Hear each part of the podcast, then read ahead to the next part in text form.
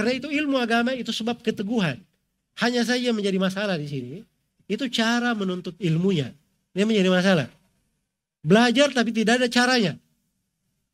Tidak ada etikanya di dalam belajar. Tidak ada tahapan-tahapannya. Ya, tidak ada tahapan-tahapannya. Tidak tahu ilmu apa yang dipelajari. Ya. Kan banyak istilah-istilah hijrah sekarang ya. Masya Allah. Semangat-semangat hijrah. Ya. Dan saya ini sudah lama melihat. Sudah apa namanya. Uh, sudah lebih 20 tahun. Melihat orang-orang yang berhijrah. Ya. Dan saya lihat orang-orang yang istiqamah itu. Itu orang-orang yang belajar benar. Orang-orang yang belajar benar. Ada pun kalau dia cuma belajar datang satu kali, senang hadir, membesarkan kajian, hadir di tematik, ya, hadir tematik, itu biasanya lambat perkembangannya. Dan saya beritahu yang tadinya hijrah-hijrah seperti itu, tiba-tiba ikut demo-demo, ikut gini, gaya belajarnya seperti itu. Tidak ada yang belajar kitab, tidak ada yang belajar di pokok akidah ahli sunnah. Andai kata yang mengajarinya dari awalnya diajari akidah ahli sunnah. Kamu mau hijrah, belajar akidah yang benar. Dia akan istiqamah. Tapi yang menjadi masalah hijrah itu dari sesuatu yang tidak disenangi dikasih ayat-ayat hadis supaya dia senang pindah ke sini. Itu memang tahapan di dalam menasihati, tapi bukan cara membuat orang istiqamah. Bukan cara meneguhkan orang, menegarkan orang di atas sunnah. Ingin membuat orang tegar di atas sunnah, diberi ajaran yang benar. Ini akidah Islam. Ini yang diwarisi dari masa Nabi sampai hari ini. Ini yang dipelajari oleh para ulama. Ya. Dia pelajari semua itu, maka menghadapi fitnah-fitnah dia akan tegak. Dia akan teguh. Dan saya lihat teman-teman yang sudah selesai baca kitab ini, baca kitab itu, Masya Allah. Wajahnya itu dari puluhan tahun, dari belasan tahun sampai hari ini masih kita lihat. Masih kita lihat. Istiqamah. Ya. Dan itu suatu hal berjalan dari masa dahulu. Seharusnya saya tidak usah memberikan pembuktian di masa sekarang. Sebab ini adalah jalan yang meyakinkan. Jalan meyakinkan. Dan itu jalannya Nabi Shallallahu Alaihi Wasallam mendidik para sahabatnya. Dan itu jalan para sahabat. Mendidik para tabiin, itu jalan para tabiin. Mendidik para tabiut tabiin, itu jalannya para tabiut tabiin. Mendidik para imam yang datang sampai hari ini. Guru-guru kita, para ulama yang apa namanya, memang sangat lurus di atas jalan, mendidik umat seperti itu. Iya. Mau siapa yang paling dekat? Syekh bin Bas rahimahullah. Syekh bin Bas itu beliau memang ada tugas ya, pekerjaan sebagai uh, seorang mufti, orang resmi di pemerintahan, memberikan fatwa. Tetapi beliau itu selalu mendidik manusia menyelesaikan buku-buku. Ada pelajarannya setelah subuh. Ada pelajarannya setelah setelah duhur. Ada pelajarannya setelah asar. Ada pelajarannya antara maghrib isya. Ya. Lebih menakjubkan lagi gurunya Syekh bin Bas. Syekh Muhammad bin Ibrahim al Syekh. Ini yang mencetak hampir semua ulama di Saudi yang terkenal sekarang ini. Itu murid beliau.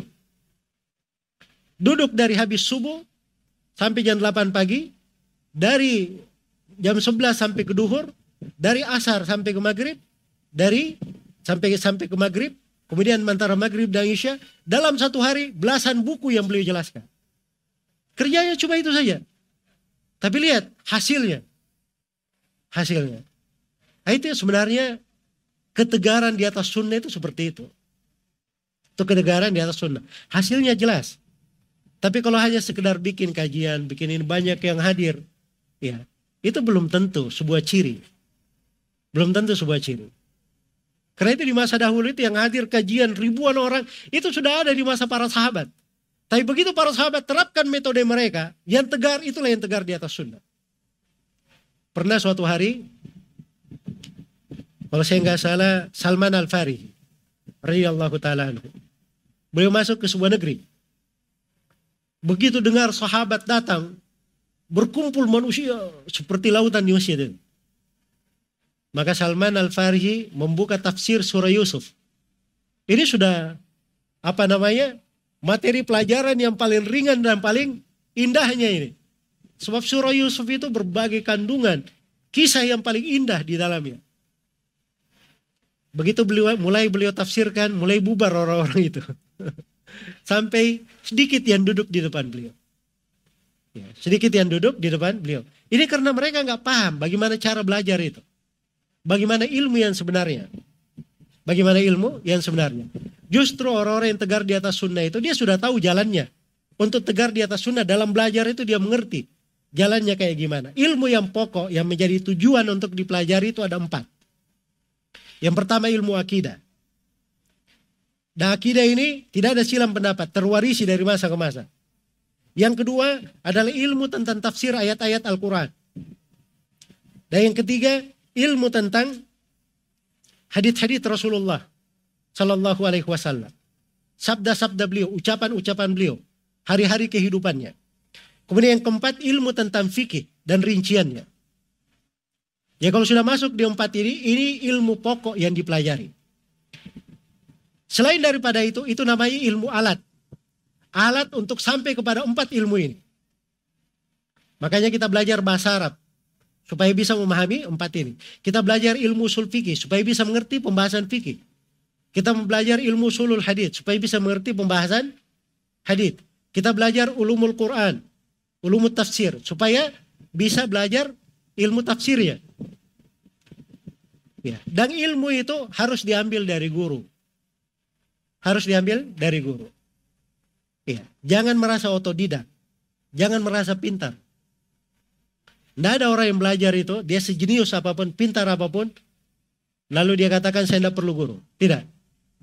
Betul ilmu itu sekarang semuanya sudah dibukukan, ada di buku. Tapi kunci-kunci di dalam memahami buku itu masih ada di dada-dada para ulama. Dan itu selalu dirwarisi dari mulut ke mulut. Iya. Diambil dari guru. Diambil dari guru. Nah di sini letak banyaknya kekeliruan karena cara belajarnya itu tidak di atas jalannya yang dijalani oleh para ulama Islam.